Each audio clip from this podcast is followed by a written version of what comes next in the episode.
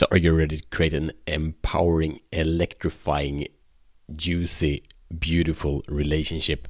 Then you're at the right place because this is day two Oh, how you do that. Uh, and if you didn't listen to yesterday's episode, go back and do that again because this is a three part series and this will blow your mind and has the power to make you happy, to make your woman happy as well. How does it get even better than that, right? So, welcome to Show the Fuck Up podcast. My name is Matt Fyron, and this show is for men that are ready to free themselves from the prison of playing small and unleash their personal greatness. So, good to have you here. And, of course, share this episode with a man who is in a relationship, who is married or is in a long term committed relationship, because he needs this probably way more than you know, because he probably doesn't speak about what's going on under the surface.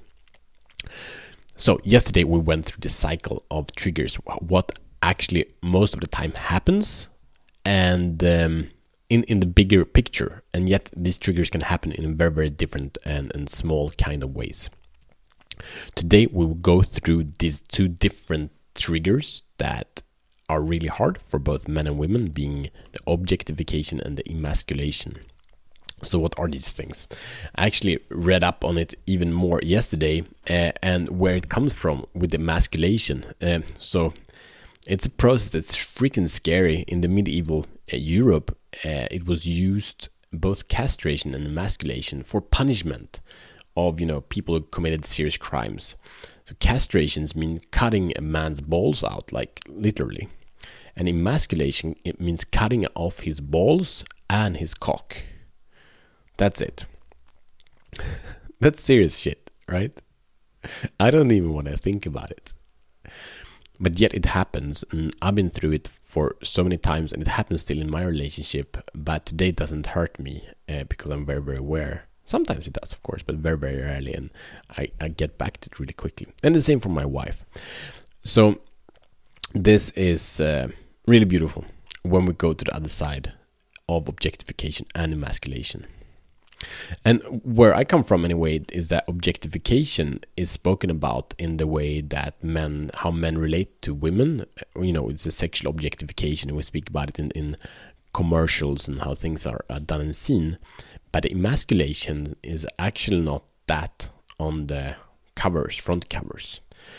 And the issue of that is since it's not we're not aware of it, we believe it's natural. And I guess part of the common story is the, the culture and, and TV series and whatnot is usually men either they're freaking superheroes that can do anything, and it looks good and we're attracted to it, but we know it's we have that potential maybe, but we know it's not us.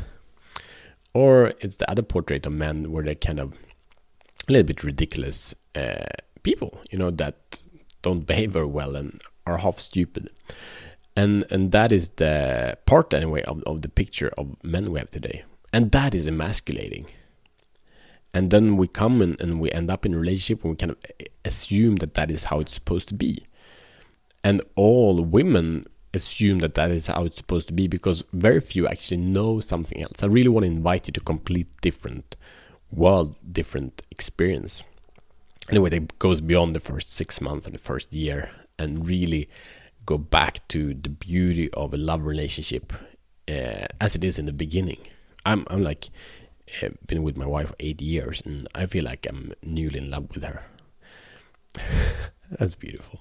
I'm very grateful for that. Anyway, so let's do it uh, for you as well. Are you ready?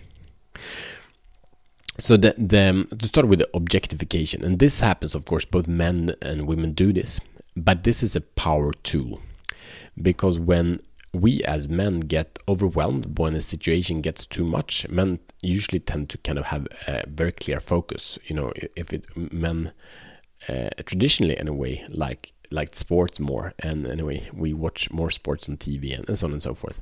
And part of that is we we like to have a goal and we like to achieve things. Women do it as well but but mostly men do it way more so what what happens there is that when when things get overwhelming, we want to simplify it to one specific thing and one specific outcome, so it becomes manageable.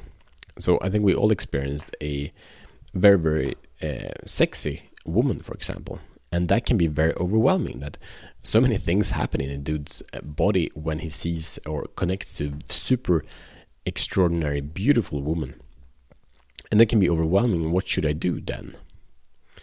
And then it's way easier if one names her something. It doesn't need to be slut but if one names her uh, you know she's a sexy uh, woman or whatever then she becomes that. She becomes a sexy. And that's way more easily relatable than the wholeness of her beingness. Another way to to relate to that is, of course, um, if you're in a long-term relationship, it's quite likely that either you're that, that your woman kind of lashed out of you and, and got very expressive, angry, called out. And that can be very, very overwhelming for most guys. Like, what should I do? I want to be able to control my environment and I can't control her. And then you can call her an angry bitch and then we make it into a thing. So maybe the, basically the, the objectification means to treating something as an object, a thing, uh, and, and remove the complexity of the other being. And so it makes a person manageable. It can be like reduction, it can reduce someone to a body, to an appearance, or to lacking the capacity to express, uh, just kind of like a thing. And of course, if it's a thing like a pen, we can handle a pen. So it's very empowering in a way. So when we feel disempowered, we objectify. We say she's stupid or something like that. Other ways that we objectify that's kind of less uh, offensive, but it still takes the power out of things. As I've, I have two daughters, and if I bunch them together, instead of seeing them for who they are and the uniqueness of them and calling out their names and say, "Hey, girls, come," then I objectify my my children and make the two of them into one unit, and then I remove the complexity of the the of the wholeness of them.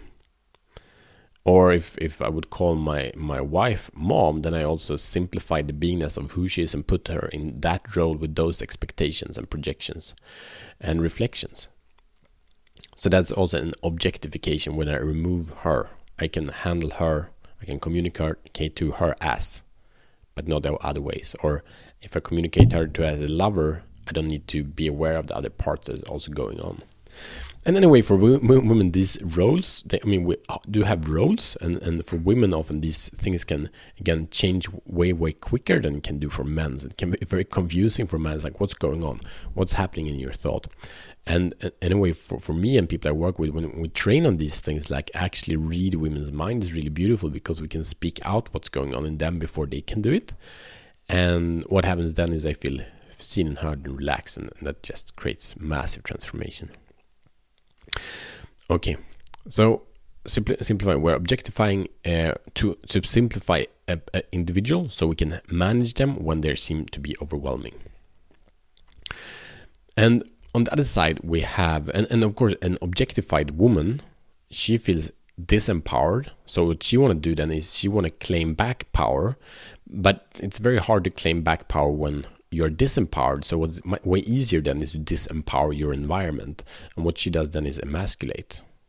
But it can also go the other way around. An emasculated man feel that a woman is disempowering him. He feels um, he feels disempowered, and what he does then is objectify, saying she's a stupid bitch. Right, and then you have a very very beautiful conversation. And it might be that you know some some people have very kind of aggressive fighting a lot, and some are very pleasing. Most people I speak to, they're very pleasing and very nice, and then all this objectification happens in the silent, and that doesn't make it better. It quite often makes it actually worse, more painful. So, uh, let's go to emasculation. Are you ready? So, emasculation can happen in so many, many ways but basically we've been talking about a wound called called the father wound before and that is the the wound where the man or the boy is removed or is doubted or denied his power his hero potential. When that is questioned men feel small. Men feel crushed or feel like they shrink or feel like someone is like a balloon and someone pulls out the air and it's like deflated and it's like ah. oh, really flat. and this can be done in both like the positive and negative way one negative by withdrawing things like withdrawing appreciation affirmation withdrawing sex. Um, we all been there right? When man don't get his sexual needs that's actually emasculating him removing him from his power in a way that sex does not affect women at all uh, there's nothing wrong with one or the other in the sense how sex affects. It's just different. But for a man, it's actually emasculating to not have sex. And um, of course, it can be, you know, assume uh, that one should do something and then leads to complaint. It can be to ignore a man's ideas, criticize a man, uh, question being upset, and so on. There are many, many ways to to to masculate a man, how you're masculated. Um, I have a very small situation, but, but I'm so aware of these things now, so I sense them very clearly. Before it could be like I, I got stiff and I didn't get it, and, and then either I suppressed it or it took a long time before I realized what happened. It was a very beautiful moment just, um, I think, uh, 10 days ago when I was going to, on a date with my wife. And she asked me to take out the trash. And I said, yes, I, I will do that. And um, before I was going to, to do some shopping for for the kids and my mom who was taking care of the girls. And then when I came back, I was like, now I'm going to take out the trash. And then my wife had taken out the trash. And I'm like, hey, what? Like, I, I, I plan to do that. I wanted to to provide that for. Her. I wanted to support her with doing that, and then she had done it, and it's like, yeah, I'm actually I was committed to this to this goal. So she took over something uh, that that she had asked me to do. And what happens then is like, but what didn't you trust me? You know, didn't you count on me? So that's also an emasculation. All right. So again, the emasculation trig- triggers objectification, objectification, the emasculation. And it ain't pretty. And we've all been there. And it's not no one's fault, but it's both people's responsibility. But we can never demand responsibility for someone else. But what we can do is we can show the fuck up to take charge and take responsibility to say, this is how I want to live my life. I want to live an empowered or disempowered life. If you want to live the empowered life, you can do two things. One is you can stop objectifying your partner. Number two is when you get emasculated, you can share that. You don't need to do it by an attack, but you can share, do that by saying, hey, that didn't feel good to me. I don't appreciate that. Could you, if you get disappointed or whatever, can you communicate like this and that? So we can share that, and that's beautiful. Invite to the sensitivity of who we are, because like the, the the idea that we're so strong and so tough. Like, yeah, we can manage things. We can be emasculated. We can rise up again. But the issue is that over time, it just chips away on the trust. It just chips away on the strength of who you are, and what comes out of that side isn't pretty. So better to shut the fuck up to it now. So your mission, should you choose to accept this, is number one to identify how you are objectifying your partner, the people in your life, the women in your life, consciously and subconsciously. How are you simplifying, making a complex being into a simple thing, more or less, so you can handle it more? How do you do that? Number two, how do you get emasculated from your wife or from your partner? Answer these questions and get clarity. This doesn't necessarily transform things, but just by this awareness, you can start making the changes. As you know, this episode can change your life. Tomorrow, we'll dive into the keys how to really overcome uh, both objectification and masculation and create an empowering relationship. Share this with all the men you know if they have a relationship, if they're in between relationships, share this so they can shut the fuck up and really start leading the new relationship from a beautiful place. Thank you, and I see you tomorrow as better men.